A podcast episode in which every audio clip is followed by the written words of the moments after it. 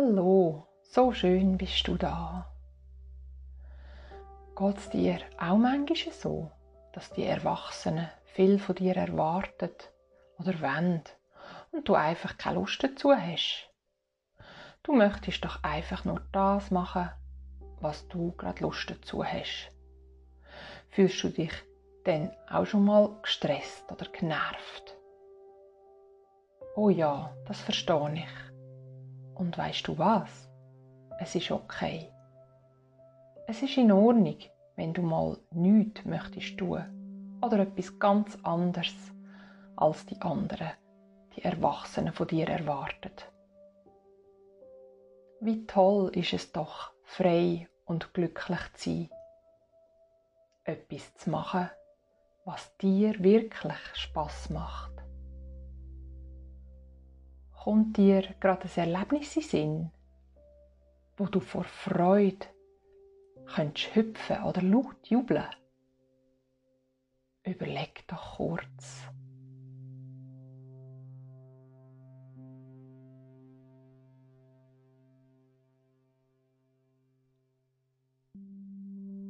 Spür, wie toll sich das anfühlt. Ein mega Gefühl, nicht wahr? Ich möchte dir sagen, du bist wunderbar. Genau so, wie du bist, bist du perfekt. Nur du bist du, so einzigartig und toll. Und wie du dich gerade fühlst, auch das hat seine Richtigkeit.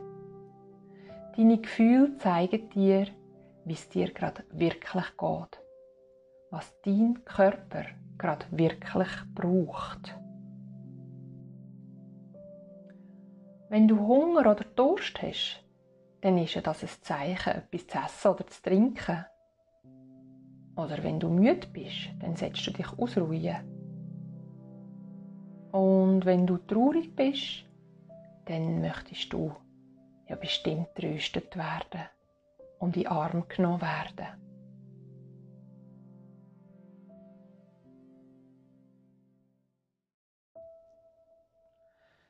Ich erzähle dir jetzt eine Geschichte und nehme dich mit auf eine tolle Entdeckungsreise. Hast du Lust? Bist du bereit? Dann los!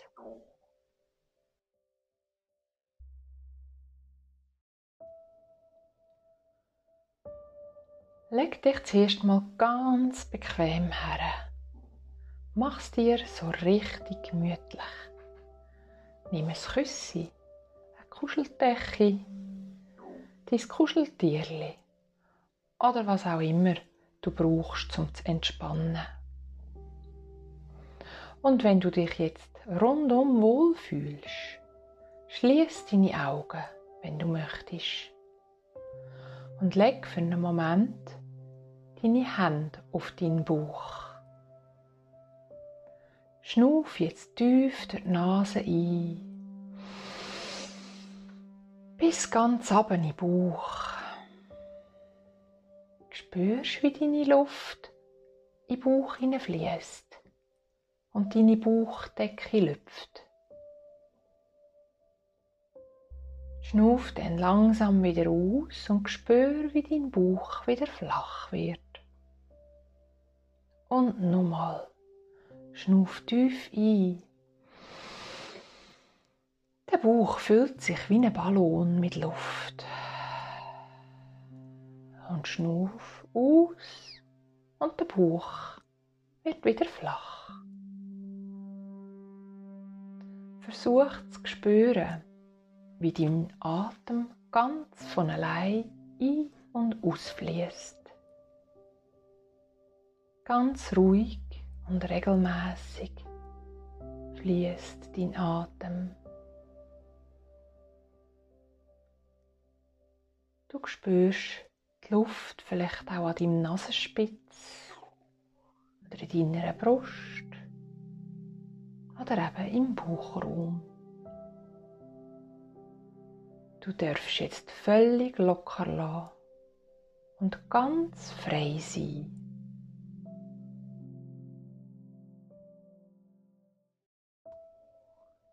Und stell dir jetzt vor, du stehst an einem Waldrand.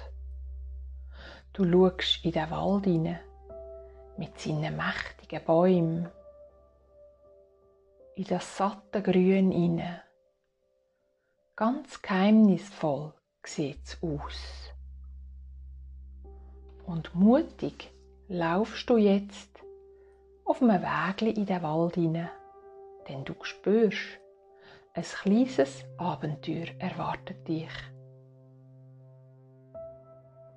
Du laufst auf dem weichen Waldboden, schmeckst den herrlichen Duft vom Wald, hörst Blätter vielleicht im Wind rascheln und nimmst deine Schritte auf dem Blätterboden wahr. Vor dir erkennst du jetzt auf einisch ein friedliches Tier, wo freudig auf dich zuläuft. Was ist es für ein Tier? Schau mal genau her.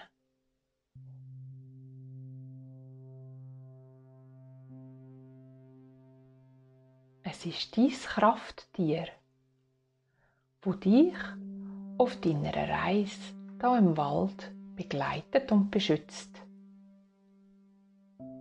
Dein Krafttier lächelt dich freundlich an und bittet dich, ihm zu folgen. Und zusammen laufen ihr immer tiefer und tiefer in den Wald hinein.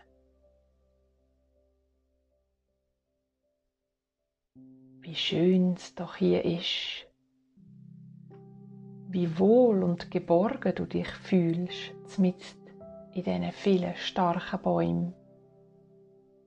Und wie ruhig, dass es da ist. Und wie angenehm die Luft schmeckt. Einfach wunderbar. Auf einmal erblickst du einen Baum, der dir besonders gut gefällt. Du laufst zu dem Baum her. Dein Krafttier ist an deiner Seite. Du berührst mit deinen Händen die Rinde vom Baum und spürst, ob sie rauch oder glatt ist.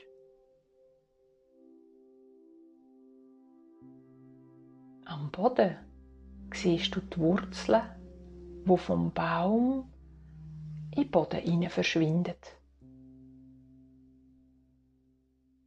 Und wenn du ganz weit rauf schaust, bis zoberst in die Baumwipfel, siehst du, wie mächtig der Baum ist und wie die Äste und Blätter sich in alle Himmelsrichtungen recken und strecken und der Baum schön und beschützend umhüllet. Spür Kraft und Stärke wo der Baum ausstrahlt. Wenn du möchtest, kannst du dich auch am Baumstamm anlehnen. Und wenn du da so stehst, spürst du, wie auch aus deinen Fußsohlen wie Wurzeln in die Erde wachsen und dich ganz verbindet mit Mutter Erde und die du dich so stabil und sicher fühlst.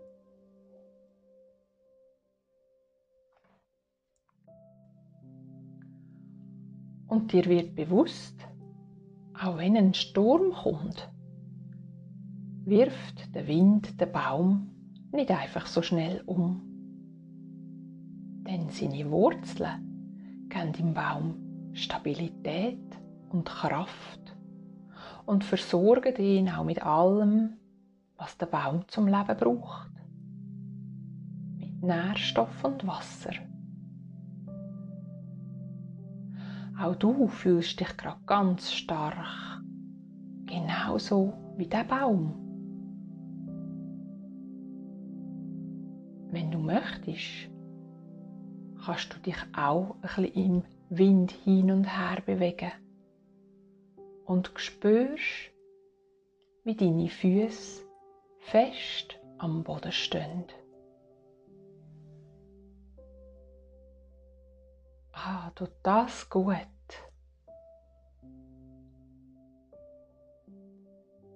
Jetzt schaust du nochmal in die Baumkrone auf und streckst deine Arme in den starken Ästen entgegen.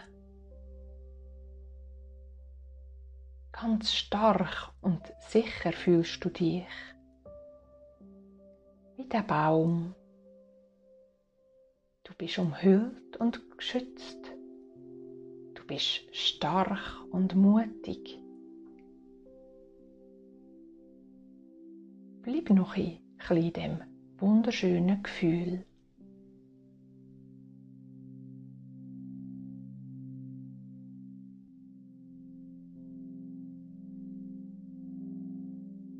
Auf einmal stupst dich dein Krafttier ganz sanft an und holt dich aus deiner Träumerei zurück. Das Tierli schaut dich ganz liebevoll an und gibt dir ein Zeichen, dass ihr euch langsam wieder auf einen Rückweg machen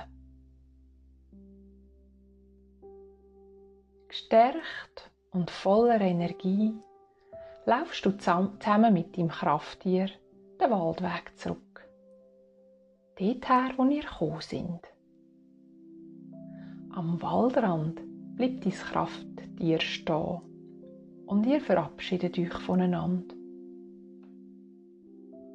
Und du weißt, du kannst jederzeit daher zurückkommen und mit dem Krafttier ein kleines Abenteuer im Wald erleben. Es ist so schön mit ihm zusammen im Wald.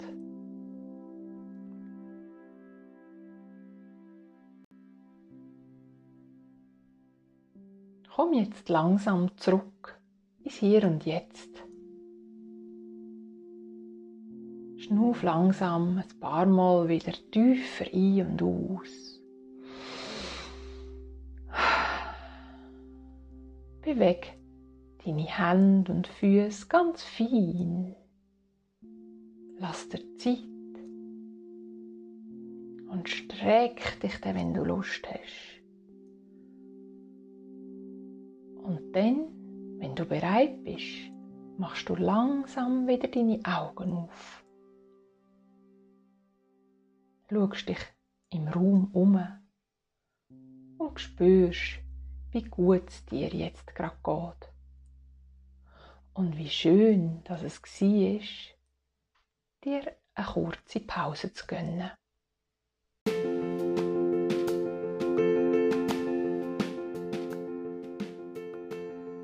So schön, dass du dabei bist bei meiner Traumreise. Ich danke dir. Toll hast du dir Zeit für dich genommen, dich zu entspannen, zu erholen und Kraft zu tanken. Du bist wunderbar. Wenn du Lust hast, kannst du nachher auch noch ein Blatt Papier nehmen und ein Bild malen von deinem Krafttier oder von deinem Baum oder auch von beidem. Oder vielleicht möchtest du ja auch mit jemandem über deine Traumreise reden. Also, ich hoffe, wir hören uns bald wieder einig. Alles Liebe und Tschüss!